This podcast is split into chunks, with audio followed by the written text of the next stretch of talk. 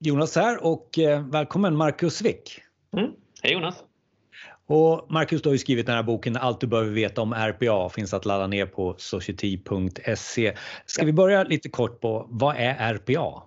Robotic Process Automation, det vill säga automatisering av vanliga dagliga arbetsuppgifter.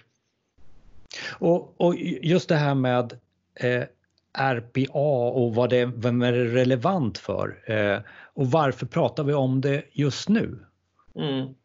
RPA är jättebra för att automatisera eh, frekventa, eh, regelbundna eh, arbetsuppgifter. Det vill säga sånt där det finns en tydlig logik som kommer mycket av.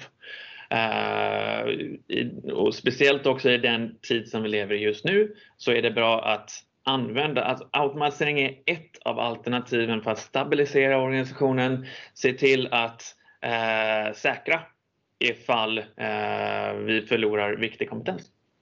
Men, men också för att effektivisera. Men effektiviseringen och robotiseringen har vi funnits genom tiderna Absolut. Funnits sedan, jag vet inte när, 90-talet, 80-talet kanske till och med. Um, det har du helt rätt i. Uh, skript, makron och så vidare är automatisering. Det är det. Kanske en tidig form av RPA eller kan av vissa klassas till och med som RPA.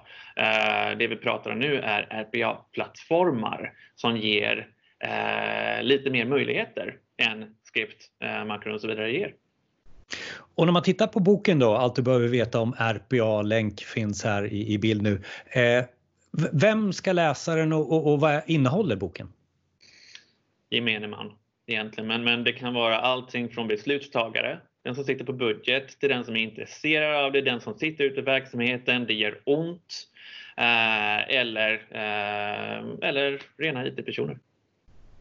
Och boken som jag uppfattar också är indelad i varje kapitel handlar om en avdelning som till exempel HR, ekonomi, till och med IT-avdelningen finns med där. Hur de ska konkret eh, kunna eh, automatisera vissa delar av processen.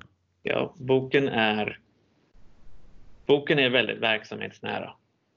Den har inte så mycket av ett teknikperspektiv och det är, det är avsiktligt. Eh, det är min mening att boken ska vara enkel för vem som helst att förstå egentligen och sen kunna djupdyka lite mer i tekniken sen. Budskapet med boken är ju egentligen att nyckeln till framgång vad gäller automatisering är inte lika mycket i tekniken som den är i vad ska du automatisera, när ska du automatisera, hur mycket, vilka ska du involvera? Och boken finns alltså att ladda ner på society.se, länk här. Allt du behöver veta om RPA heter den och vi tackar Marcus Wick. Mm, tack så mycket.